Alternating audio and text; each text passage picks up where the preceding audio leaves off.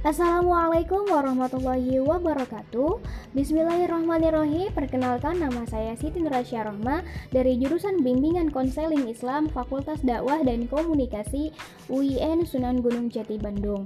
Nah, e, di sini saya akan menjelaskan tentang e, resensi buku yang telah saya baca Yaitu Rahasia Sukses Bisnis Rasulullah SAW Nah, podcast pertama saya ini semoga bermanfaat dan semoga dapat menginspirasi teman teman-teman semua apa yang telah saya sampaikan dari uh, penjelasan uh, resensi buku yang telah saya baca. Selamat mendengarkan teman-teman semua. Terima kasih.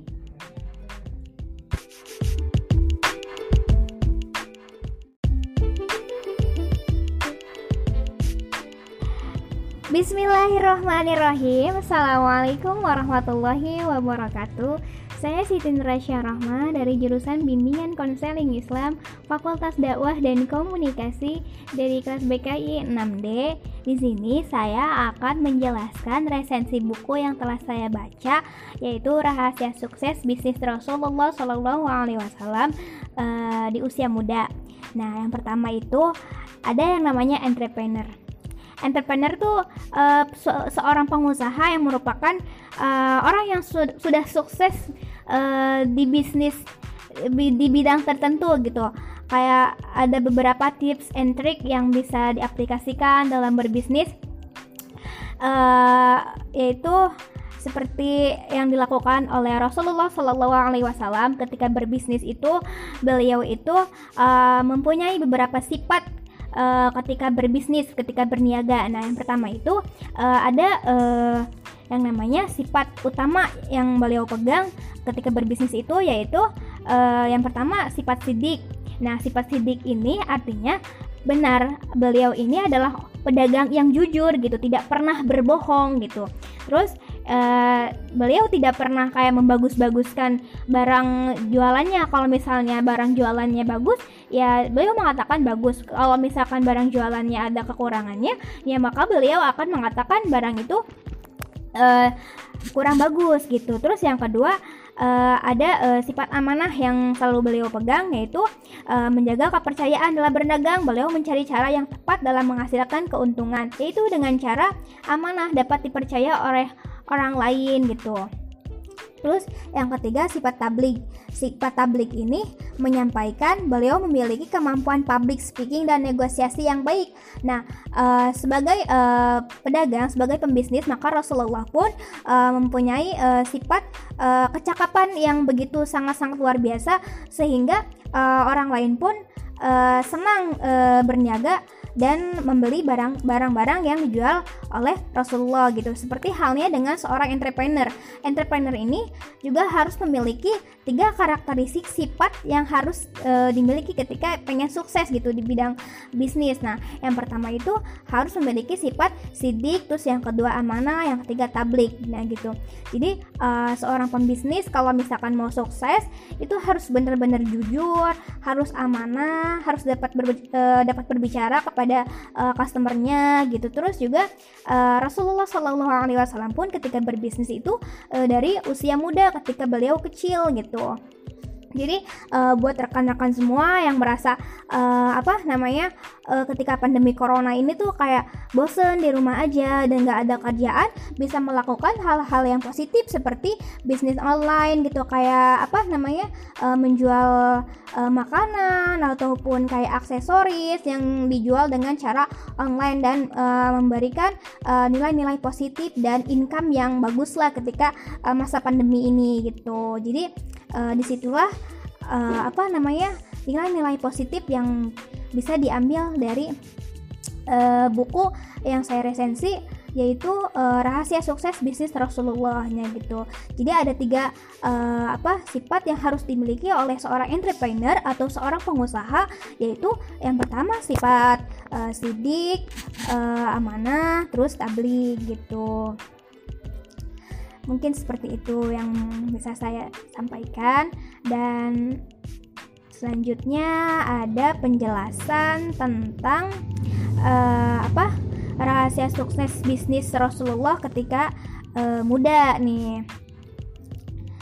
Selanjutnya itu ada yang namanya uh, prestasi konkret bisnis Rasulullah. Nah, prestasinya itu ketika beliau menjadi seorang entrepreneur, beliau memiliki uh, yang pertama ada yang namanya keberanian. Nah, ketika seorang pekerja keras sebagai uh, pengusaha itu harus mempunyai keberanian, harus bisa survive. Kayak bisa survive itu kayak misalnya ketika uh, sedang uh, dilanda apa namanya turun ketika berbisnis ya harus berani untuk tetap semangat gitu survive di usia muda itu tuh penting banget terus yang kedua pernah mengikuti pamannya berdagang ke Syria pada usia kanak-kanak. Nah gitu. Jadi apalagi untuk para mahasiswa saat ini uh, sangatlah banyak waktu lah ketika uh, kuliah gitu. Kuliah kan uh, cuman beberapa jam doang. Nah selebihnya mahasiswa bisa mengeksplor uh, kemampuannya, potensinya uh, untuk menambahkan uh, apa namanya uh, waktu seperti eh, hal-hal positif seperti berbisnis ataupun yang lainnya gitu yang hal-hal positif. Terus yang ketiga pada sebelum pada saat belum memiliki modal beliau uh, menjadi uh, pedagang investor gitu. Kayak misalnya tuh kayak kalau ke kita tuh kayak misalnya kayak reseller gitu kayak reseller reseller gitu gitu. Kayak mencoba membantu pedagang-pedagang uh, yang sudah lebih sukses dahulu gitu jadi kayak membantu kayak beliau itu dulu kayak uh, membantu Siti Khadijah untuk menjadi investornya gitu kayak gitu terus uh, yang keempat uh, memimpin ekspedisi. Nah, memimpin ekspedisi itu kayak sebagai leader gitu, sebagai leader. Nah, banyak kan sekarang kayak bisnis-bisnis yang uh, lagi marak di sekarang itu kayak bisnis-bisnis online gitu kayak uh, distributor, reseller yang seperti itu. Nah, terus uh, total ekspedisi dagangnya itu sangat-sangatlah besar gitu dan nggak pernah di usia mudanya tuh nggak pernah apa namanya tidak pernah merasa kayak ngeluh gitu ngeluh ngeluh itu wajar ya teman-teman ngeluh itu wajar tapi yang namanya ngeluh itu harus dilawan gitu terus uh, yang ketujuh lebih dari 20 tahun berkiprah di bidang perdagangan. Jadi jangan pernah malu menjadi seorang pedagang atau seorang entrepreneur gitu. jadi seperti itu. Jadi di usia muda pun harus produktif gitu. Apalagi di kalangan mahasiswa saat ini uh, sangat-sangatlah uh, positif lah gitu. Kalau misalkan jadi seorang pengusaha atau bisnismen gitu kan kayak uh, apalagi di pandemi corona kayak kayak gini kan jadi uh, lebih banyak nilai-nilainya gitu. Nilai positif yang bisa diambil yaitu uh, bisa diambil kayak hikmahnya gitu. Kayak uh, berbisnis online atau apa pun itu sejenisnya yang bisa uh, memberikan uh, apa namanya income ataupun meluang, uh, bisa meluangkan waktu dengan hal-hal yang positif lah seperti itu. Sekian terima kasih kurang lebihnya mohon maaf. Wassalamualaikum warahmatullahi wabarakatuh.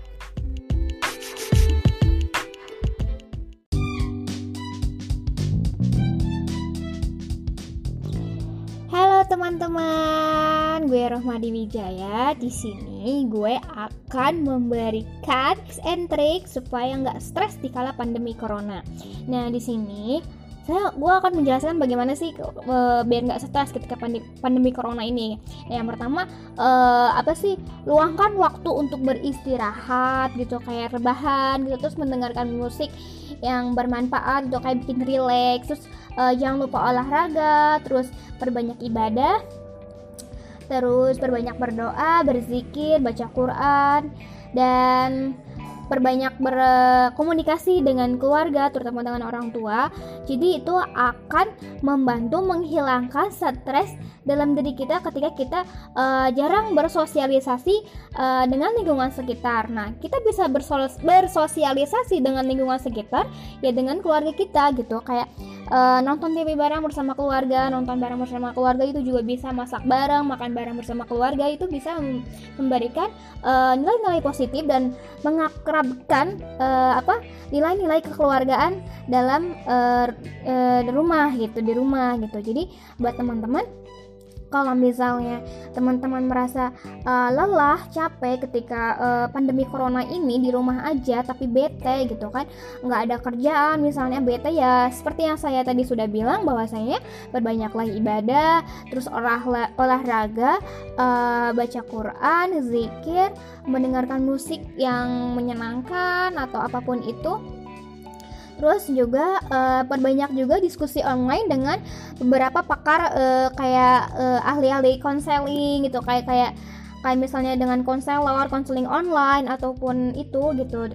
Ataupun teman-teman bisa juga berdiskusi dengan sahabat-sahabat uh, uh, yang lainnya melalui via uh, apa namanya daring gitu mungkin seperti itu. Dan juga ketika teman-teman di rumah tidak memiliki uh, pemasukan ketika pandemi ini teman-teman bisa uh, memakai uh, waktu uh, luang uh, ketika pandemi ini dengan cara apa? Dengan cara berbisnis. Misalnya ya teman-teman punya bakat bisnis, uh, punya bakat misalnya pemasak. Nah, teman-teman juga bisa mengaplikasikan atau mengimplementasikan uh, bakat teman-teman itu menjadi income. Nah, misalnya kayak teman-teman menjual makanan kayak kue-kue ataupun misalnya apa pun itu yang orang-orang sukain gitu. Jadi uh, pasti ketika uh, pandemi ini tuh kan uh, apa ekonomi kan merosot tuh ya jadi nggak ada pemasukan gitu. Jadi teman-teman bisa mengambil uh, waktu luang ini dengan uh, apa berbisnis online gitu. Jadi menambahkan income pemasukan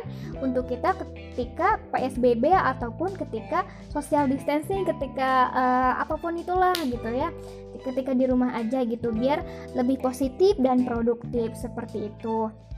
Terus juga teman-teman uh, hindari uh, menonton TV ketika uh, melihat uh, apa namanya jangan terlalu sering menonton TV berita-berita tentang corona corona corona. Nah ketika teman-teman me membaca atau mendengarkan atau melihat tentang uh, pandemi corona gitu misalnya berita corona meninggal sekian sekian sekian yang sembuh sekian sekian sekian sekian.